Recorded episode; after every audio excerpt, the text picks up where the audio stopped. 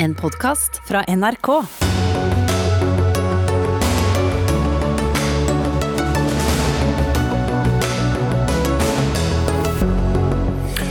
Fredsprisen 2021 til to enkeltjournalister fra to forskjellige land. Hvorfor akkurat dem, og hvorfor er det fredspris som er det riktige? Maren Lundby får overveldende støtte etter at hun meddelte at hun dropper OL pga. for tøffe vektkrav i hoppidretten. Krav om tiltak for å unngå spiseforstyrrelser i idretten.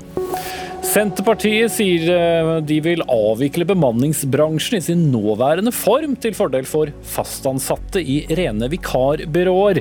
Det betyr kroken på døren for etablerte selskaper i verftsindustrien, klager Høyre. Og apropos Høyre, er det ikke lenger plass til høyrefolk i kirken? Spør Høyremann fra bibelbeltet, etter at Mellomkirkelig råd har oppfordret regjeringen til å slutte å lete etter olje. Det er eh, Dagsnytt 18 denne fredagen, det. Jeg heter Espen Aas, og senere i sendingen skal vi også til Andøya, der oppskytingsbase feires i dag, og Saudi-Arabias høyst kontroversielle oppkjøp av fotballklubben Newcastle må vi også innom. Men eh, det er nå denne dagen i år, og alle disse øynene fra hele verden og rettet hit osv. Og, og det er eh, den filippinske journalisten Maria Ressa og den russiske journalisten Dmitrij Muratov, som altså er de to som skal dele Nobels fredspris 2021. Begge kjemper for ytringsfrihet og pressefrihet i sine respektive hjemland. Og Berit Reiss-Andersen, leder for Nobelkomiteen. Hvorfor to enkeltjournalister og fredspris? Fordi det er to usedvanlige og fremragende journalister som har arbeidet under slike forhold hvor ytringsfriheten har vært begrenset, at de gjennom sitt virke, gjennom mange år, viser um, hva det vil si å kjempe for ytringsfrihet, men også har demonstrert hvor viktig ytringsfriheten er i samfunn som går i autoritær retning. Årets pris er ikke en pris som er rettet mot Filippinene eller mot Russland, men det er en pris som er ment å sette søkelyset på ytringsfrihetens betydning og journalistikkens betydning for å bære ytringsfriheten og informere i korrekt og etterrettelig informasjon i samfunnet. Men det er jo vanskelig å ikke ikke lese den uh, i den konteksten, da, når det gjelder uh, manglende pressefrihet på nettopp Filippinene og i Russland, og hvor bl.a. denne uh, russiske vinneren og historikken fra avisen han jobber, går jo også tilbake flere tiår til Nobels fredspris da den gikk til Gorbatsjov, som valgte å bruke pengene på å starte nettopp mediet hvor han tilhører. Det er helt riktig. Da var Russland i en overgangssituasjon fra Sovjetunionen. Og det er jo en, eh, en hyggelig historie i dag at Gorbatsjov, deler av Gorbatsjovs eh, prispenger gikk til å etablere denne avisen Novaja Gazeta. Og ja, det har jo noe med Filippinene og Russland å gjøre, for det er nå der disse to prisvinnerne har virket. Men det er jo andre land i verden hvor ytringsfrihetens kår er enda vanskeligere enn det det er i Russland og Filippinene. Så eh, poenget er ved å velge journalister fra to land, og vise nettopp at det er ikke bare disse to landene. Manglende ytringsfrihet er et ganske universelt problem. Det er ikke av eh, verdens 180 stater så er det ikke så mange som kan skilte med at de har en god ytringskultur. Eh, og det er problemet som sådan vi ønsker å sette søkelys på. Og vi ønsker å sette søkelys på at ytringsfrihet er en absolutt nødvendighet for å utvikle demokrati. Og demokrati er den, det sterkeste forsvar vi har mot krig og konflikt. Og der kommer fredsaspektet inn. Det er viktig. Og så er det noen som sier jo jo, men hvorfor skal dere se mot Russland, hvorfor skal dere se mot, mot Filippinene? Og så peker man på Edward Snowden, og så peker man på Julian Assange og sier at det er ikke bare bare å, å gå imot uh, våre egne makter her i, i Vesten heller? Nei, eh, og ytringsfriheten er under press i alle land. Eh, Norge står på toppen av eh, listen med best ytringsfrihet, men det er også hos oss saker man kan ta opp som gjelder innskrenkninger i ytringsfriheten. Den dagen fredsprisen blir delt ut, så kommer det alltid spørsmål om hvorfor ikke den, og hvorfor ikke den. Jeg kommenterer aldri de som ikke har fått pris, og det er klart det er alltid andre mulige vinnere. Men denne komiteens oppgave er å utpeke den eller de beste i det forrige året, det forgangne året, som har bidratt til fred. Og det er vår overbevisning at det å sette ytringsfrihet på kartet og peke på to modige, fremragende personer som har bidratt til ytringsfrihet, det kvalifiserer dem til årets fredsforkjempere. Mm. Vi skal få vite litt mer om vi begynner med deg, Inna Sangacheva, eh, seniorrådgiver i den norske Helsingforskomiteen. Du er jo opprinnelig russisk selv, og, og, og, har da gjennom ditt arbeid god kjennskap til uh, Dmitrij Muratov og avisen hans som vi nå har snakket om, Novaya Gazeta. Hvor viktig er denne prisen? Det er veldig viktig. Det er både for Nova Gazeta, Dmitrij har allerede uttrykt eh, sin eh, takknemlighet, og samtidig har sagt at denne prisen går til minne av de seks journalistene som har blitt drept i avisa, som altså jobbet i avisen. Det er viktig eh, i den tiden hvor russiske journalister og medier har blitt stemplet som utenlandske agenter, senest i dag. Nye journalister og tre medier blir plassert på den lista. Det er viktig med tanke på journalister som blir forfulgt forfulgt i Russland og opplever en veldig stor press fra eh, regimet selv, fordi at de også blir en slags eh, soldater i den informasjonskrigen, der hvor staten ønsker å beholde kontroll over informasjon, samtidig som ytringsfrihet er noe annet enn regimet forstår da. Likevel så har da en talsperson for Vladimir Putin gått ut og, og gratulert ham med fredsprisen. Er dette da en, en litt sånn klam, klam klem? Eh, dette er en, en, tegn eh, for å vise at eh, Russland er demokrati per definisjon, slik som også regimet ønsket å se seg selv. Dette er også, også en, en, tegn for ak aksept. At Nova Gazeta er tross alt med den historikken den har, tilbake til glasnostiden, som også er, gjør denne avisa legitim. Denne avisa blir lest av over 17 millioner borgere og er spredd over hele Russland og dekker hele Russland, enn de få aviser som finnes på papir i dag. Mm. Men er det en liten torn i øyet for, eh, for det russiske regimet likevel? Ja, eh, på en måte ja, men, men, samtidig, som sagt, eh, for russiske myndigheter er det viktig også å vise at vi har utenriksrett i Russland. Kristoffer mm. Rønneberg, utenriksjournalist i, i, Aftenposten. Du intervjuet Maria Reza i, i fjor, i april, på, på Skup-konferansen. Hva, hva bør vi vite om henne? Maria Ressa er eh, en av de mest inspirerende journalistene jeg har, eh, har eh, snakket med og, og intervjuet. Så hun er en utrolig sterk, karismatisk dame som også er veldig sta. Så Hun dannet altså denne mediegruppen Rappler i 2012, som har vært veldig kritisk til myndighetene i Filippinene, spesielt etter 2016, da Duterte overtok som, som president.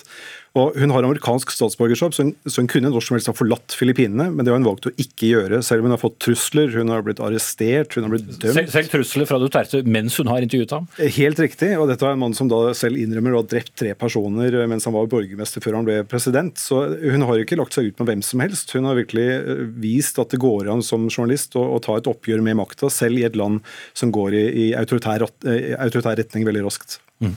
Så finnes det mange modige journalister i mange andre land. Eh, det at det blir hentet frem to eh, stykker, får det eh, en, en høy symbolverdi? Eller blir mye da handlende om nettopp Filippinene og Russland? Jeg tror vi kan se på reaksjonene fra f.eks. Reportere uten grenser, som, som, sier at dette er en, en pris som, som, anses som en pris til hele journalistene, spesielt i de landene som, som, opplever at de er i økende grad truet av, av myndighetene. Altså, vi skal huske på at over 50 journalister ble drept i fjor på jobb, og tallet i år er, er også veldig høyt hittil. Så dette er helt klart en pris til journalister og, og folk som Maria Ressa og, og Murata vil bli oppfattet som, som ledestjerner, som inspiratorer, som, som gjør at man også kan få håp i land som f.eks. i Hongkong, hvor eh, ytringsfriheten har forvitret det siste året, eh, og i andre steder også, hvor vi ser at ting går i gal retning. Mm. Ja, Reis Andersen, Ofte snakker vi om enten at Nobelpris eh, skuer litt tilbake, andre tildelinger skal, skal skue litt frem. Hva med årets? Den skuer både tilbake og fremover. Mange har spurt meg i dag hvorfor kommer denne prisen i dag, og mitt svar er den kunne godt ha kommet i går. Eh, men det, det, som er viktig, er å frem... Altså, eh, vi lever i en tid hvor tilstedeværelsen av media er sterkere enn noensinne før i verden. Og denne Vi tilbringer alle flere timer av dagen på en eller annen medieplattform som påvirker oss. Og det er så eh, viktig å påvise at eh, sannhetsjournalistikk og kvalitetsjournalistikk er mer enn en hverdag. Det har faktisk en ganske høy himmel, fordi det er en hjørnesten i hvordan vi organiserer samfunnet. Man kan også stille spørsmålet slik hvordan forvitrer demokratiet? Et av de første kjennetegn er at ytringsfriheten innskrenkes. Eh, det har betydning utover dagens aviser, utover den enkelte reportasje. Eh, vi ønsker å sette søkelys på at dette er noe som er så verdifullt at skal verden bli bedre, så må vi også kjempe for ytringsfriheten. Mm. Det ble et veldig spesielt år i fjor. Er det grunn til å tro at vi får se begge prisvinnerne i Oslo i desember? Det er jeg også veldig spent på, og det håper jeg virkelig, fordi jeg er overbevist om at det er to strålende personer og personligheter som da vil komme til Oslo. Vi legger opp til det. Vi mm. håper det.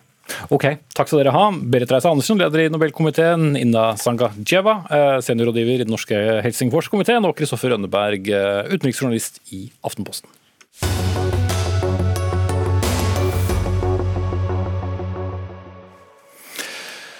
Det har eh, vekket mye oppmerksomhet eh, at eh, skihopper Maren Lundby i går meddelte at hun dropper ut av neste års OL, og hun har fått stor støtte i ettertid. Beskjeden fra henne var at vektkravene er for tøffe nå, og hun var citat, ikke villig til å slanke seg på en uforsvarlig måte.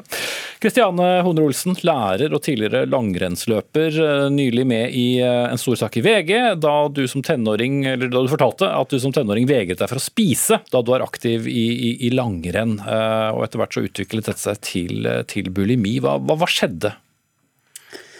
Eh, nei, du forklarte det jo egentlig der, da. Jo, men, eh, men da du var aktiv ja, ja. Eh, idrettsutøver?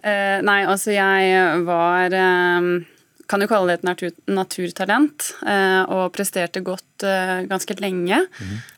Men så kom jeg til puberteten, og da skjer det jo noe med kroppen. Og så tror jeg også jeg fant ut av det sjøl at det var kanskje ikke det her jeg skulle bli, men hva søren skal man bli da? Og hvordan, altså, hvem snakker jeg med omkring det? Og, eh, og, så var det jo det her med at jeg blei ganske selvbevisst på min egen kropp. Eh, jeg så at jeg var bygget på en annen måte enn de rundt meg. Jeg eh, følte nok ikke at jeg var helt tilpass, på en måte. Passa liksom ikke helt inn i miljøet, verken sånn med måten man tenkte på med optimalisering og 24-timersutøver. Eh, og det at man skulle prestere, og da gjerne være eh, så tynn som mulig, da. Mm. Ja, og jo... Hvordan fungerte da det? Altså, både det å være tenåring, som, som du var, eh, merke at kroppen forandrer seg, og man ser hvordan man er i sporet. Altså, hva slags råd og veiledning fikk du da? Um, råd og veiledning omkring hvordan man har det eh, opplevde nok ikke jeg at det var så mye av. Men råd og veiledning for å gå fortest mulig, eller for å prestere best mulig, det florerer det jo av. Absolutt. Eh, så det er jo der jeg opplever da i etterkant at vi kanskje har en vei å gå, da.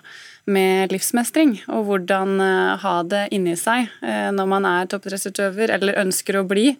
Eh, for der kan det jo være mange og det er jeg ganske sikker på, at det er unge sjeler som opplever seg litt, føler seg litt aleine i dag, og jeg egentlig tror vi ja, er mange som har det på samme måte. Mm. Men denne løsningen da, som du fant på det, som etter hvert da endte med bulimi, mm. hvordan, hvordan kom du dit? Eh, jeg begynte jo med å spise så lite som mulig, eh, og, det handler jo om så mye mer enn vekt og kropp. Eh, men jeg gikk til en kostveileder når jeg fortsatt var aktiv, og der tror jeg jeg fikk noen ideer omkring det her med mat og matplaner og kaloritelling, og lærte nok litt som gjorde at jeg brukte det destruktivt. Og, og, så skjønner jeg at de rundt meg ikke klarte å se det. For jeg har jo ikke klart å se det selv heller, på flere rundt meg. For det er noe som foregår inni hodet. Eh, så det Jeg tror at det da utvikla seg til at jeg bare brukte det for det det var verdt, for å bli så tynn som mulig, og kanskje kontrollere det her med at jeg kan ikke kontrollere prestasjonen min, eh, og jeg kan ikke få gjort noe med responsen fra omverdenen, så da kan jeg i hvert fall få kontrollert maten min da, og treninga mi. Eh, så det blei så lite som mulig en periode. Eh, og levde, for å si det sånn, godt på det, egentlig. Det gir en sånn uh, følelse av å være høy, nesten, uh, som en rus. Men det varer ikke. og da endte det med at jeg måtte finne en ny strategi, og det endte da med bulimi. Mm. Og den har fulgt meg en stund. Vibeke Sørensen, første visepresident i Norges idrettsforbund. Hva sier du til slike historier? Nei, det er jo en gripende historie, og dessverre så vet vi jo at din historie finnes det også mange andre lignende historier om i idretten. Eh, og vi erkjenner jo at vi har et eh, utfordring og et problem med spiseforstyrrelser i idretten. Og det er jo også sånn som Finn Skårderud, som vi samarbeider nært med, sier, at idrett og spiseforstyrrelser er søskenkulturer. Og Derfor er det også viktig for oss å, å forebygge og bidra til bedre kompetanse innen idrettsorganisasjonen nettopp på spiseforstyrrelser. Mm. For, man er jo selvfølgelig opptatt av, av resultater, og så vet man at uh, gram og kilo har mye å si for sluttresultatet. Ja, det er spesielt også innen enkelte idretter som har et spesielt fokus på vekt, og hvor det blir en eh, utfordring. Selv har jeg tilbake, eh, en bakgrunn som kunstløper, så helt fra min eh, ungdom og tre, senere som trener og, og leder innenfor det, så har jeg lært mye om spiseforstyrrelser. og også gjennom mitt yrke som lege, og det er jo noe jeg prøver å ta med meg inn i mitt eh, verv som eh, første visepresident. Mm. Vi skal snakke litt mer om det straks, men Jorunn eh, Sundgodt Borgen, professor i seksjon for idrettsmedisinske fag ved Norges idrettshøgskole. Ifølge deg også, da, så er jo historien til Honre Olsen langt fra, fra unik. Men hvor utbredt er det? Det er langt mer utbredt enn i samfunnet for øvrig. Og I noen av særidrettene så finner vi forekomster på opptil 45% Så Nær halvparten. Det, er, det som er så viktig nå for at vi skal komme et steg videre i forhold til denne problematikken, det er jo at toppledelsen i NIF erkjenner at de har et problem. Vi har et gedigent problem. Ofte, du mener at uh, Sørensen og kollegene ikke gjør det? Jeg mener at de sier at de ser at det er en utfordring. De sier at de ser at de må gjøre noe med det, og at det gjøres noe. Men det er jo helt tydelig at det gjøres ikke nok. Eh, hver gang dette kommer opp, så sier de at det er speilbilder til samfunnet. Eh, de skyver sunn idrett foran seg og, og, sier at de jobber forebyggende. Sunn idrett gjør en fantastisk jobb, men de har ikke nok ressurser til å drive forskningsbasert virksomhet. Og det blir ikke målt. Vi måler ikke effekten av det arbeidet som gjøres, så vi aner ikke hvilken effekt det har. Så hvis det ikke nå igangsettes tiltak som settes i system, slik at det blir forebyggende tiltak satt i system, så kommer vi dessverre til bare å få stadig flere historier som Kristiane sitter og forteller. Svar på det, Sørensen. Ja, altså Sunn idrett er jo et satsingsområde innen norsk idrett. så Det er jo et område innen breddeavdelingen i idretten hvor vi bruker tippemidler til å utvikle kompetanse i organisasjonen omkring spiseforstyrrelser. Gir det resultater? Det håper vi, og det mener vi at det gjør. Det er ikke resultater nå? Altså, vi, vet at eh, spiseforstyrrelser øker. Derfor trenger vi også å øke kompetansen i organisasjonen. Vi er en organisasjon som består av mange frivillige. Vi ser at den chattetjenesten vi har, vi ser at mailer vi har om bekymringer, øker. Det økte med henvendelser på chattetjenesten med 67 gjennom korona. Mail med bekymringsmeldinger fra trenere, og foreldre økte med 86% Vi ser at det er etterspørsel etter den kompetansen vi har. Og som Sundgodt Borgen også skriver i sin kronikk i VG i dag, så vet vi at det å ha kompetanse, det å videreformidle kompetanse, kompetanse, det er jo et tiltak som kan forebygge. Ja, Her nå så er vi også i kontakt med Legeforeningen for å få et enda nærere samarbeid mellom idretten og helsevesenet for å utveksle erfaringer og kompetanse. Jeg, jeg skulle til den eh, kronikken som du har skrevet sammen med flere andre i dag, Sunkel Borgen. 'Sannheten om spiseforstyrrelser i idretten', med spørsmål eh, og svar som, som, som dere går gjennom. Men hvilken sannhet er det dere vil ha frem, og hvor konkret kan de gå til verks i, i NIF? Sannheten er at vi har en overhyppighet i noen av særidrettene våre. Sannheten er at vi har verktøy som kan ha en forebyggende effekt på unge idrettsutøvere som går på toppidrettsgymnas og på skilinjer osv. Det er ikke satt i system. Vi må sette forebyggende tiltak i system. Da vet vi at det har en effekt i forhold til å forebygge utvikling av alvorlige spiseforstyrrelser. Sånn at det hele tiden å si at vi har fokus på det, vi ønsker å gjøre noe, vi har sunn idrett som jobber med det uten å måle, det er jo å, å slenge penger rett ut. I alle andre tilfeller i idretten når man snakker om å optimalisere og det å få gode utøvere, så måler vi og registrerer. Det er jo slik at Hvis langrennsjentene igangsetter et nytt treningsopplegg, eller hvis målet er å øke oksygenopptaket, så måler man om det man gjør har effekt. Men her er det ikke målt noen ting. Derfor så er, altså Vi taper tid på å sitte og si at vi jobber med det.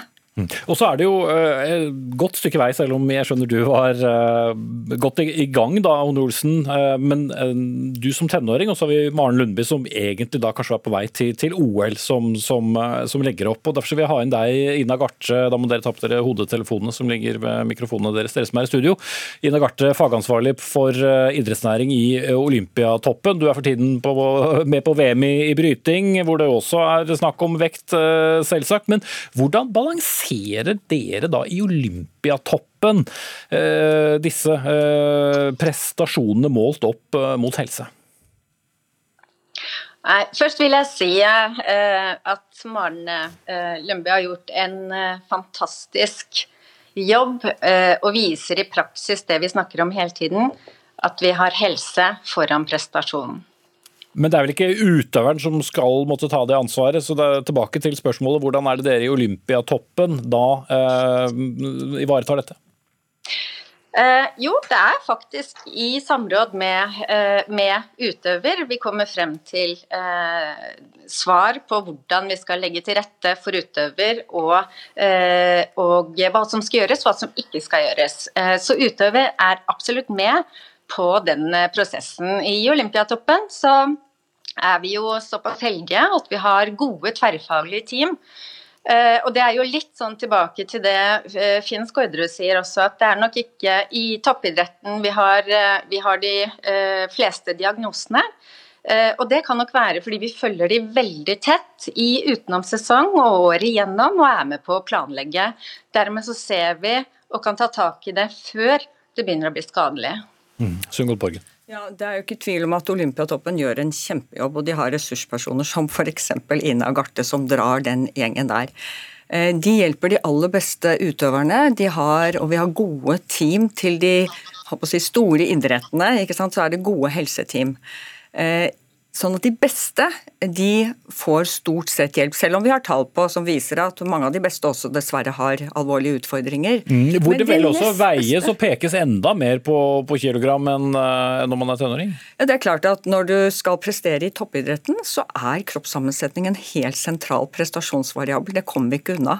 Og I noen av særidrettene, som f.eks.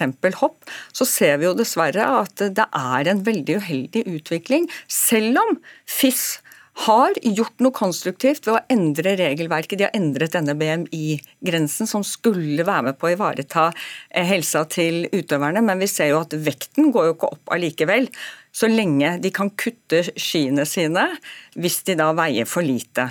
Så Der er vi heller ikke i mål i forhold til det. og Det er jo noe av det jeg mener også at er et topplederansvar. At de sørger for at de personene vi har som sitter i internasjonale verv i særforbundene, fortsetter å jobbe aktivt for å legge til rette i hver enkelt særidrett, og særlig disse risikoidrettene, for at utøverne våre ikke skal bli syke. Da snakker jeg om løypeprofiler, og jeg snakker om regulering i um, altså reglene i hopp. Men vi må også hjem igjen, Sørensen. Ja, nei, nå sier Sunnigat Borgen at for å komme videre også med å forebygge og bidra til spiseforstyrrelser, så må vi jo snakke om det først. Og da må vi jo Det er jo det vi også gjør gjennom eh, idretten og gjennom Sunn idrett, som tar seg av de utøverne som ikke er på toppnivået. Og jeg, er ikke helt enig med Sunnigat Borgen å si at vi sitter her stille og venter på at det skal skje og bare prater. Vi er ute og informerer, vi er ute og driver undervisning. Men det er ikke et nytt helt, fenomen? Det er ikke et nytt fenomen, og det blir ikke borte i morgen. Og vi må derfor jobbe sammen for å ha gode samarbeid samarbeidspartnere for å drive enda bedre forebyggende arbeid, bedre opplysning, bedre kompetanseheving. Men idretten skal drive aktiviteten, og så må vi ha gode eh, samarbeidspartnere innen helsevesenet for å kunne behandle. Det kan ikke idretten gjøre.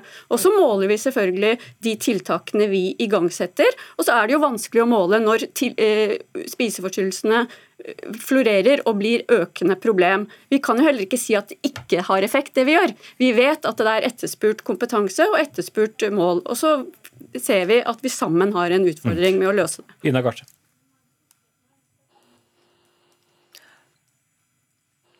Ja.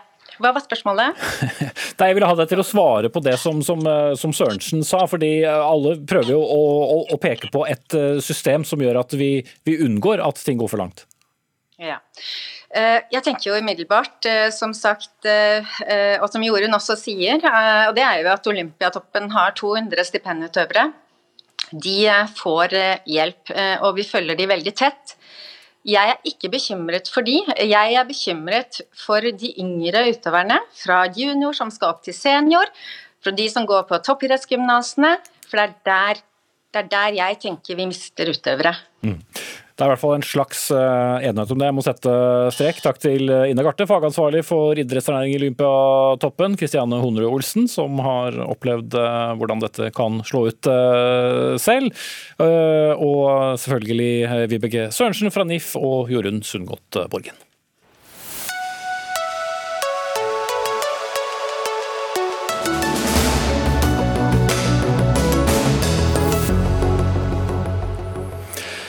I dag var det jubel i Andøy kommune i Nordland, og også for Norge som romnasjon. For mens mange av oss kanskje trodde at regjeringen var aller mest opptatt av å fylle flytteeskene, så troppet både statsminister og næringsminister opp foran TV-kameraene i morges og annonserte at Andøya Space skal få etablere en oppskytingsbase for små satellitter, etter å ha fått godkjent finansiering på totalt 365,6 millioner kroner.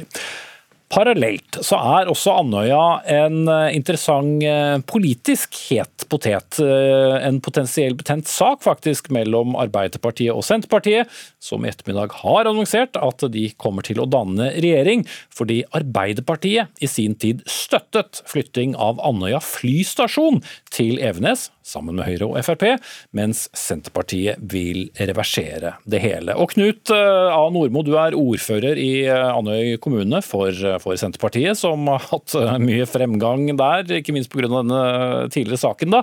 Eh, jeg skjønner det er mye begeistring nå for, for dette vedtaket eh, og for romnasjon. Hva, hva betyr dette for kommunen? Ja, Først må jeg jo si at jeg er veldig veldig, veldig glad for at endelig endelig kom det der beslutninga.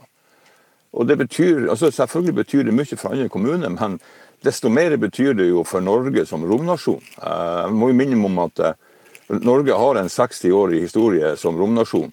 Og dette er jo det som skal ta Norge videre. Og det bygger jo på den strategien, den nasjonale strategien som Stortinget enstemmig vedtok her i vår.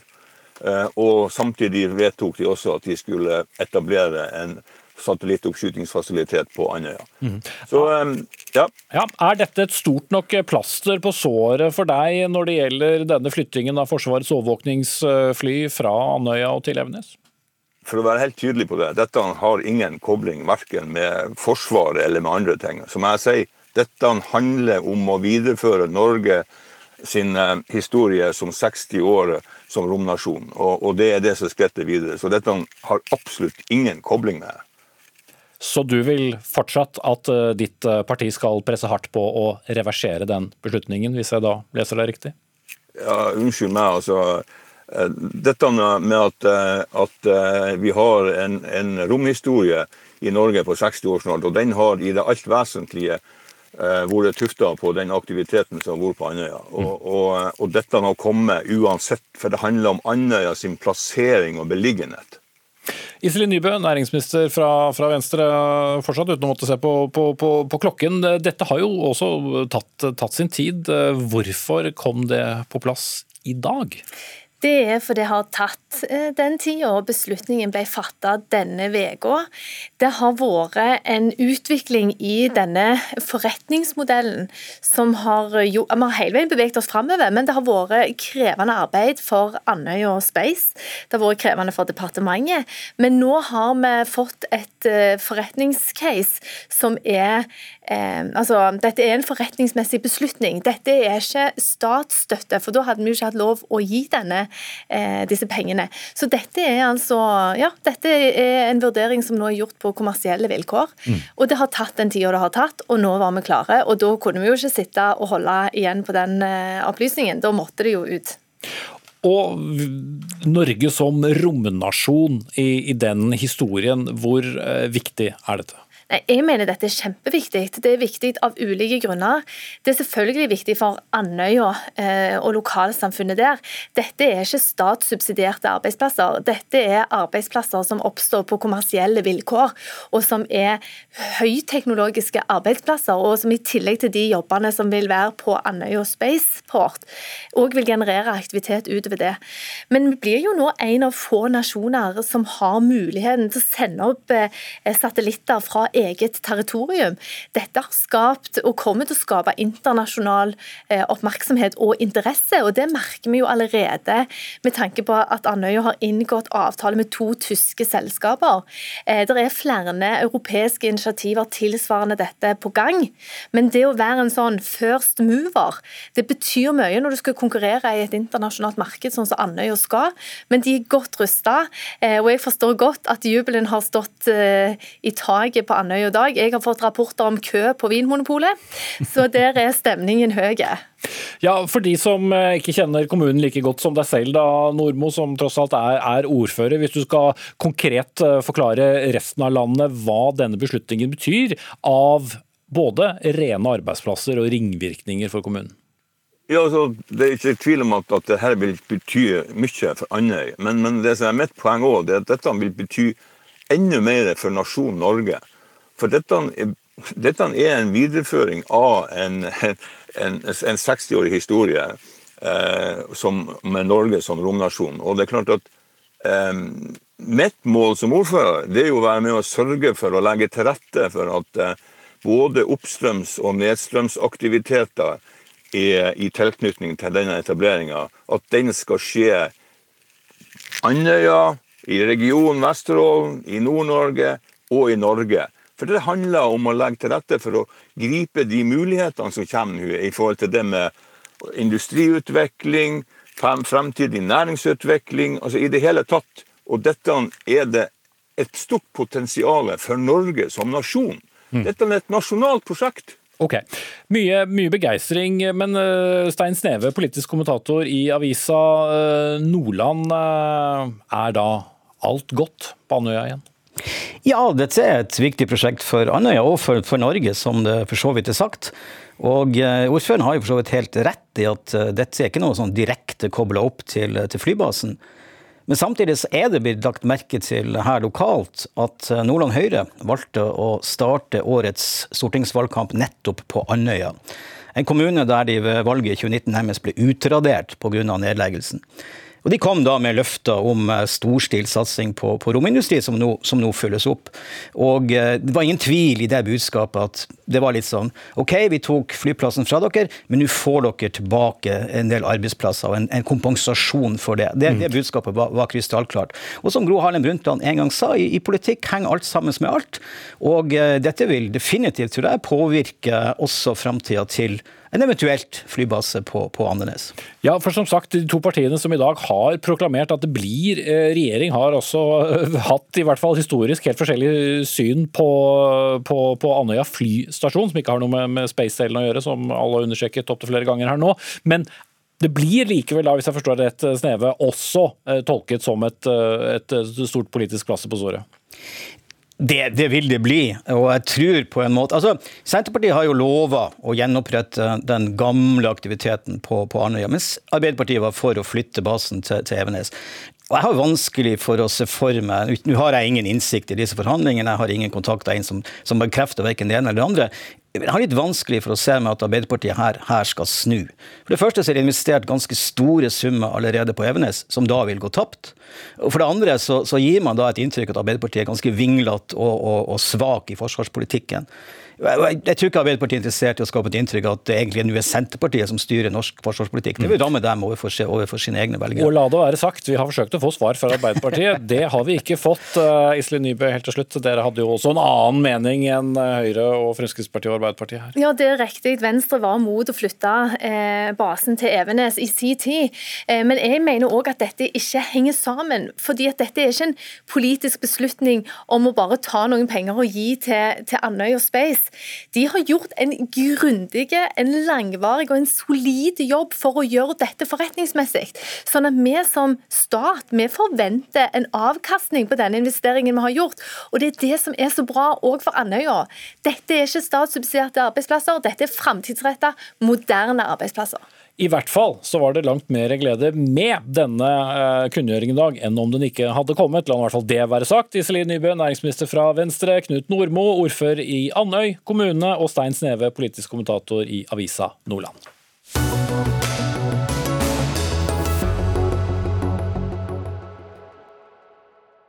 De har verken religionsfrihet, pressefrihet, ytringsfrihet eller demokrati, men Saudi-Arabia er stolte eier av fotballklubben Newcastle United. Det er ikke alle supporterne så glade for, ei heller Amnesty. Mer om det senere i sendingen. Men som, eh, allerede, som jeg allerede har vært innom, det er eh, mye spenning til hva som skjer i Hurdal. Og mange er spent på mange temaer. Hva skjer f.eks. med norsk arbeidsliv, når Arbeiderpartiet og Senterpartiet etter hvert presenterer sin regjeringsplattform onsdag i neste uke? Og hva med de omstridte bemanningsbyråene? Per Olaf Lundteigen, stortingsrepresentant fra Senterpartiet. Du sier til Stavanger Aftenblad denne uken at bemanningsbyråer rett og slett må avvikles og erstattes med vikarbyråer med faste ansatte. Det er en stor endring fra i dag. Ja, og det er en viktig endring. For det vil bety at uh, på en arbeidsplass, og da vil uh, folk gå med samme kjeledressen de eh, er i samme flokken, de er i samme arbeidstime. Og det er utrolig viktig at eh, vi får eh, en større seriøsitet og velorganisert arbeidsliv. For det er en forutsetning for et trygt familieliv. Men, men, dette får da også mye å si for utenlandske gjestearbeidere, som brukes i stor utstrekning, noe vi lærte da pandemien kom til Norge? Ja, det vil jo bety at uh, over tid så vil det bli uh, ikke behov for gjestearbeidere, for det vil måtte dekke opp arbeidsstokken av folk som bor i Norge. Og det er jo fritt fram og flytta til Norge og slå rot her og få familie her. Men det vil jo bety at vi må få en mye sterkere fagutdanning i en rekke yrker. Det vil jo bety at lønna må opp i de her yrkene som ble karakterisert som eh, meget eh, viktige da, under, under pandemien. Og det må jo da ha en overgangsperiode, sånn at vi kan greie å sikre at bedriftene får den arbeidskrafta som en trenger. Mm. Margaret Hagerup, stortingsrepresentant fra, fra, Høyre og fra Rogaland. Da vi snakket med deg for sending, så sa du at dette ville være dramatisk for norsk eh, arbeidsliv og rett og slett bety kroken på døren for flere norske industriselskap. Hvorfor må det det? Ja, altså Tilgangen til arbeidskraft er jo et være eller ikke være for bedrifter. og Norge er en liten åpen økonomi i et internasjonalt eh, marked. Eh, og Det Lundteigen kommer med her vil jo være en direkte trussel mot norske arbeidsplasser og norsk næringsliv. Og det kan ha store følger for eh, industrien sin muligheter til å, til å uh, ta prosjektene. Men det er bedre norsk arbeidsliv, er jo det Lundteigen sier. Og så sier du det er en trussel. Hvordan er det en trussel? Nei, det er en trussel, for Hvis du tar Aibel, f.eks., et verft i Haugesund, de har prosjekt som varierer i omfang. De driver nå bl.a. med å bygge ut Sverdrup. Og Der sier lederen Ole Sandvik rett ut at da, for oss er det helt avgjørende å bruke bemanningsbyrå, og uten de så hadde vi ikke klart å levere de prosjektene vi har i dag. Det samme sier Ronny Langseth i Vard, som i 2019 bygde ut cruiseskip. Og Han sier også det at de har verken fagkompetansen eller den bemanningen som skal til. Og når de bygde disse cruiseskipene, så hadde de 2000 ansatte daglig i prosjektperioden. De hadde òg eh, uanmeldt tilsyn av Arbeidstilsynet, der det kom 23 personer og sjekket at dette var etter regler som eh, skulle følges. Og det var det. Og klart, Det er jo en utopi det som Lundteigen sier, at her skal en få norske fagarbeidere, en skal flytte til Norge. For den dagen vi ikke trenger utenlandsk arbeidskraft, da har vi jo slutta å produsere i et internasjonalt marked. Lundteigen? Ja, det er ganske interessant å høre på, på Høyre. De ønsker hele tida å ha et uh, arbeidsliv med betydelig grad av gjestearbeidere. De har hele tida arbeidet for å utvide adgangen til midlertidige ansettelser. Men industrien sier det samme, sier Hagerup? Nei, Vi kan ta Ståle Kyllingstad, da. En uh, anerkjent bedriftsleder på Jæren. Jeg leste intervju med han. Det han sa, da, at det som var det viktige for industrien, det var jo å få fagfolk det var jo at vi greier å holde oss med fagfolk sjøl. Vi er jo kommet i en situasjon i dag at det er jo mange viktige yrker som, som ikke blir utdanna i Norge. Enten det er en, en en maler, en murer, en slakter, en fiskeriarbeider. Alle de her yrkene som eh, kom nå i trøbbel når det ble eh, pandemien. Vi må jo ta litt av konsekvensen av pandemien og, og, ruste Norge for mer uvær. Og Da må vi jo greie å, å, få gjort arbeid med folk som bor i Norge, i all hovedsak. Finnes det noen mellomting her? For mange lærte jo the hard way eh, hvor utsatte vi var når vi ikke kunne få inn utenlandske arbeidere. Nei, men klart Ståle Kyllingstad som det henviser til her, var jo helt tydelige på at de trenger denne typen bemanning for å konkurrere og levere på prosjektene. Han var åpen for å diskutere dette, for det er jo en stor diskusjon nå, der Senterpartiet vil ha vikarbyrå, SV og Rødt vil forby det totalt, og Arbeiderpartiet vil forby innleie som fortrenger faste ansettelser. Og Da lurer jo Ståle Kyllingstad og andre på hva blir egentlig resultatet av denne debatten. Og så er det jo ikke sånn at vi ikke har stramt inn dette her. Regjeringen Solberg tok jo tidlig initiativ. Vi har stramt inn på innleie, vi har forbudt nulltimerskontrakter. Det er vedtatt definisjon av fast ansettelse, og det er strengere håndheving av innleie. Og Sånn skal det jo òg være. Men det som bekymrer meg litt i denne debatten, er at utgangspunktet er de som bryter regelverket, istedenfor å tenke på at norsk næringsliv trenger denne arbeidskraften. Vi er i et internasjonalt marked, så må vi heller finne de gode løsningene og la ting virke før vi skal rasere. For å være litt praktisk anlagt her, da, Prolof Lundteigen. Eh, hvis vi nå skal eh, gjøre den endringen som, som du mener er, er nødvendig og riktig for å sikre norske arbeidsplasser, hvordan skal du få fylt opp alle disse yrkene, og hvor lang tid skal det gå? For du kan vel ikke bare gjøre dette fra en dag til en annen? Nei, det kan du ikke, så du må ha en overgangsperiode. og Jeg har sagt at anslagsvis et eh, par års tid. Eh, eh, da bør dette kunne fungere. Vi er nødt til å få en helt annen fagutdanning. Altså I Rogaland, som Margit Hagerum kommer fra, så har dere mye husdyr. Dere har en del store slakterier. I det siste så er det ikke utdanna en eneste slakter i fylket ditt. Sånn kan vi jo ikke ha det. Vi er nødt til å styrke fagutdanninga. Vi må utdanne murere, malere, slaktere, sveisere.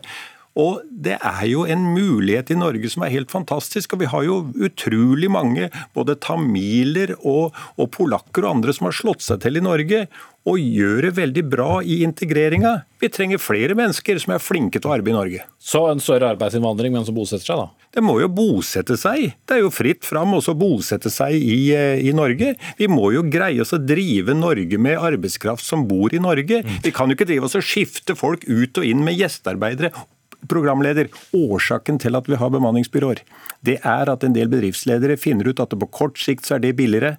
Det må vi avløse med noe langsiktighet. Jeg skulle komme til det, for det vil jo bli dyrere norsk industri? Altså, det er jo bare tull å si at bedriftene gjør dette for å tjene penger. En gjør det for å levere prosjekt, en gjør det for å bygge ut Sverdrup, en gjør det for å bygge ut eh, skip. Og jeg vil jo si at, at Fagskolen eh, er det mer søkere til enn noen gang. Men jeg er glad du nevner kjøttskjærere, for der vet jeg at Manpower har vært i dialog med fagbevegelsen for å utdanne kjøttskjærere. Og ASKO her i Oslo har også samarbeidet med Manpower om å utdanne flere yrkessjåfører. Og Det er jo en viktig del av omstillingen vi nå skal inn i. Så en bransje som faktisk jobber med å omstille jobb jobblivet bør vi jo ha plass til, istedenfor å tenke at de skal stenges ute. Hva slags arbeidslivspolitikk vi helt får, det blir som å kjøre bil og bare se ut bakvinduet. Akkurat i dag, i hvert fall. Vi får håpe det kommer noen avklaringer fra onsdag. Margret Hagerup fra Høyre og Per Olof Lundteigen fra Senterpartiet. Takk skal dere ha denne omgang.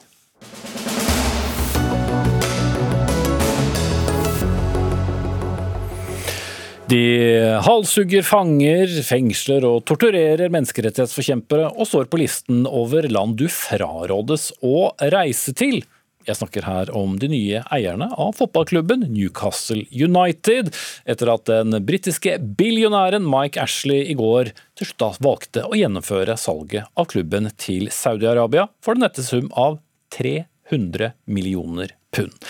Morten Myksvold, kommentator eh, i, i Bergens eh, Tidende, men også en ivrig, eller var en ivrig supporter av, eh, av, Newcastle. Nå er det slutt etter over 25 år, sier du. Spiller de dårligere fotball når de får nye ære?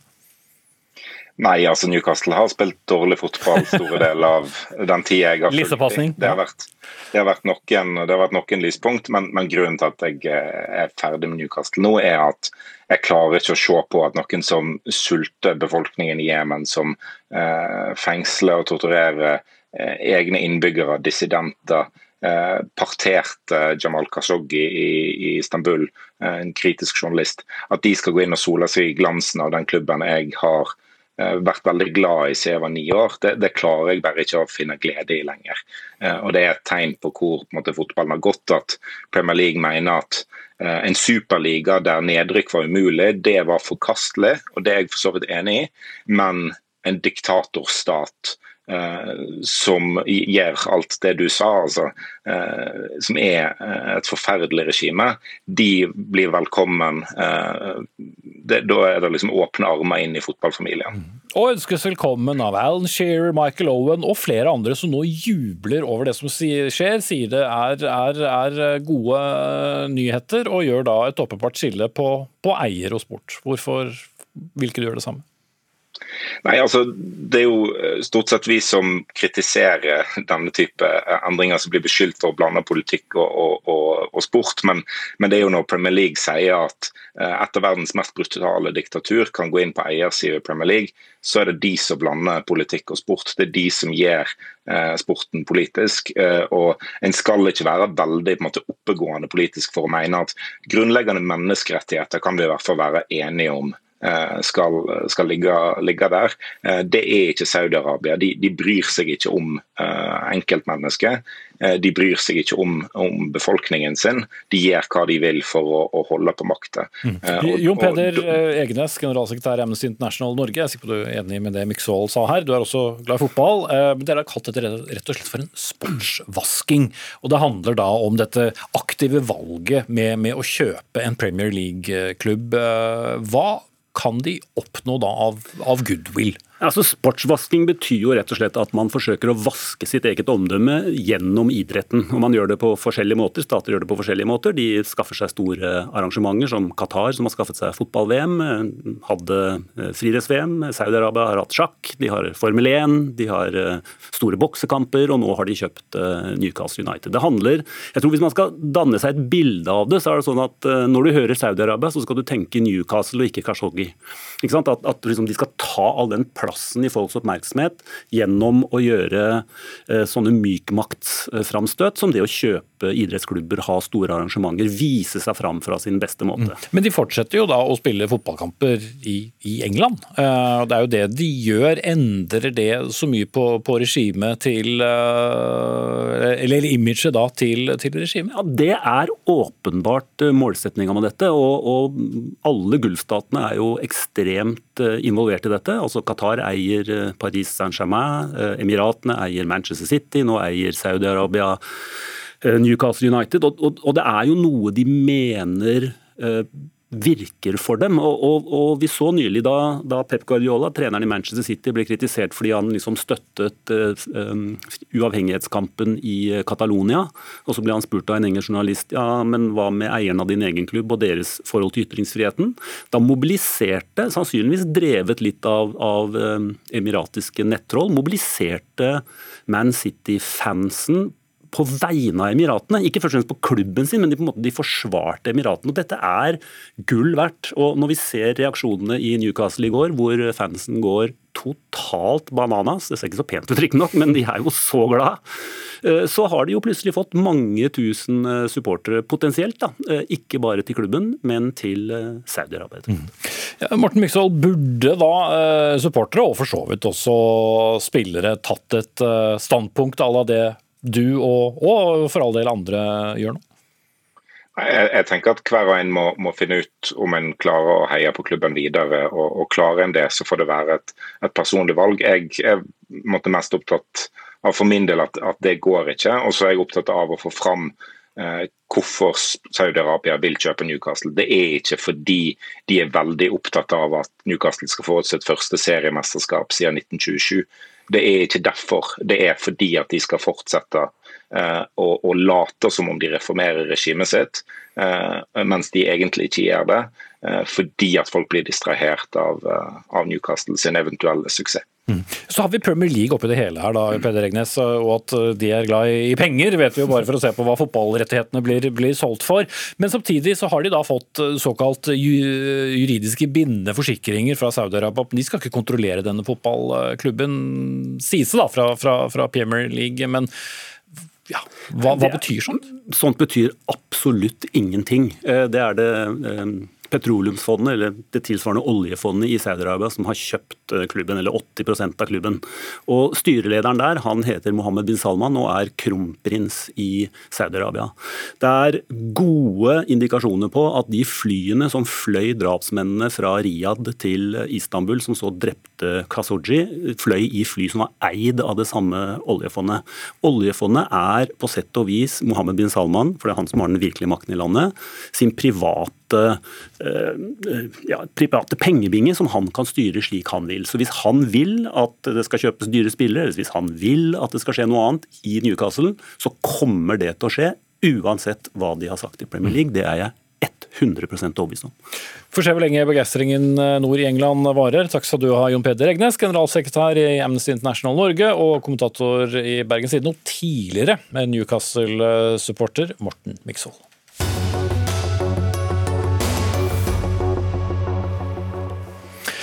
Kirken er et hus for oss alle, heter det i salmen, men det stilles eh, stadig spørsmål ved det, ikke minst i politikken. Sist ut er Høyres Sveinung Stensland, som eh, i Vårt Land satte veldig liten pris på at Mellomkirkelig råd har oppfordret eh, regjeringen til å slutte å lete etter olje. Så hva slags uvelkommenhet var det du følte her, Stensland?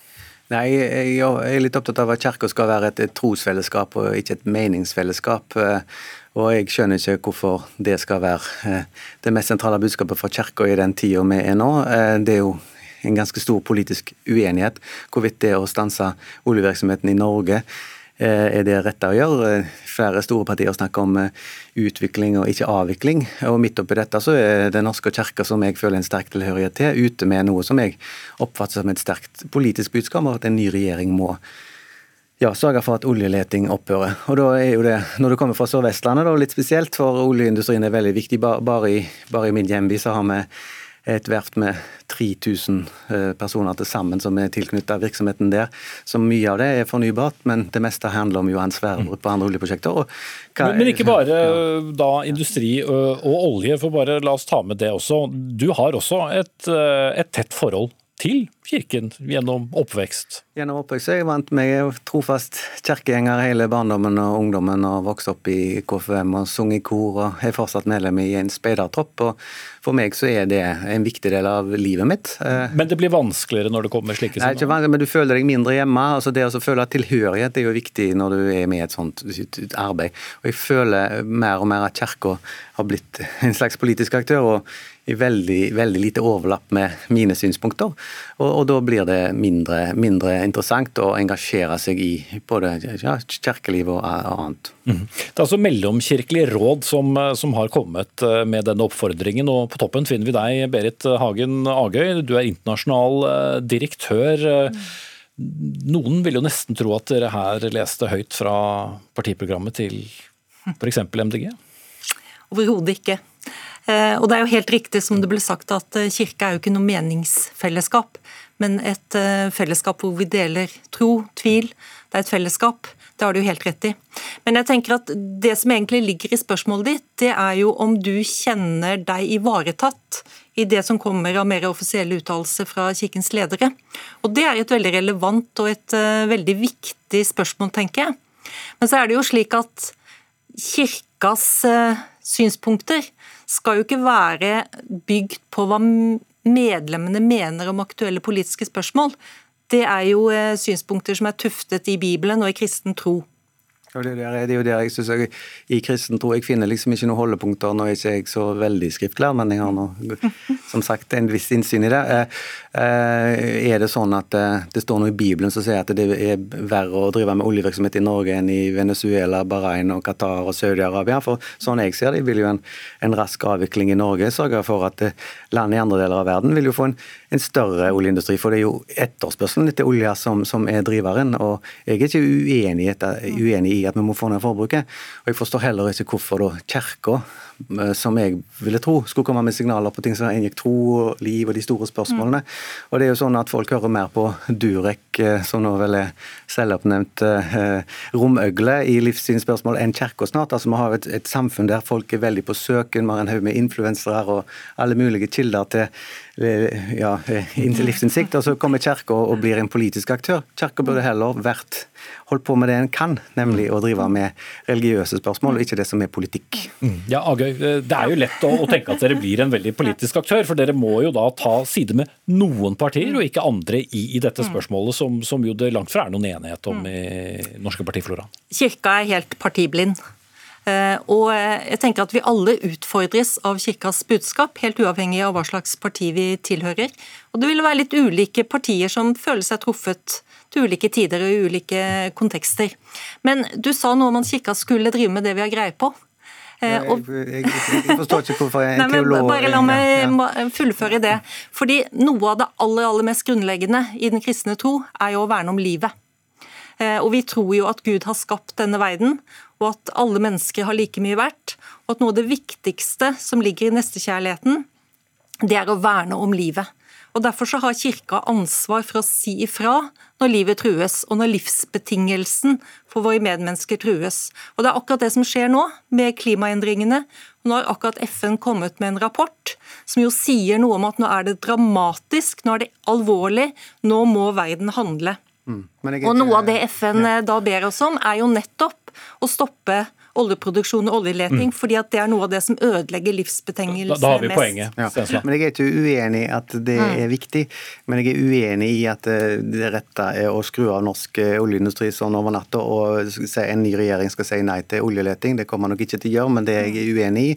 Eh, jeg tror rett og slett ikke det er bra for oss hvis det skjer. For vi trenger nemlig den industrien til å omstille samfunnet. Mm. Og den regjeringen som sitter nå, og det partiet jeg representerer, vi er like opptatt som Kirka av å redusere utslippene. Vi er like aktive å få oss inn i en ny tid. Men det virkemidlet som Kirka her nå eh, forfekter, det er jeg sterkt uenig i. Mm. Det, det, og, Kunne dere latt være å tatt et standpunkt her, Agøy, eller ville det vært mer feil enn å, å ta standpunktet som da Stensland og for så vidt andre også kritiserer? Jeg tenker at vi ville sviktet vår neste.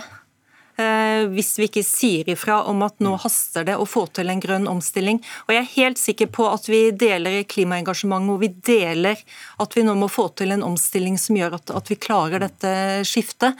Eh, men for Kirka så handler det om at vi, vi lytter lytter til våre medmennesker over hele verden, og de sier at sant, nå må de rike landene, nå må Norge, nå må Norge som oljeprodusent ta sin del av det etiske ansvaret. Og hvordan det skal gjøres, detaljene i det, tidsperspektivet i det, det er politikernes ansvar, det er ikke kirkens ansvar. Det er vårt ansvar. Og det sies jo at, at vi må handle nå, det er etisk og moralsk plikt til å slutte med denne virksomheten. Og det er jo da det signalet jeg reagerer på, både til meg som politiker, men òg til alle mine naboer og venner og der jeg bor, som faktisk jobber i oljevirksomhet oljevirksomheten. Så det egentlig Kjerkol sier her, er at driver du med oljevirksomhet, driver du med oljeleting, driver du og gjør forbedringer i Nordsjøen for å få opp mer olje og mer gass som Europa trenger, da handler du uetisk. og Det er et litt spesielt signal fra Kirka som jeg ikke syns er bra. og derfor så sier jeg fra. Vi skulle gjerne fortsatt å snakke om den siste olje, men jeg må sette strek der. Høyres Sveinung Stensland og Berit eh, Hagen Agøy fra Mellomkirkelig råd. Gro Arneberg var ansvarlig for innholdet i sendingen. Marianne Myhrol det tekniske. Jeg heter Espen Aas. God helg.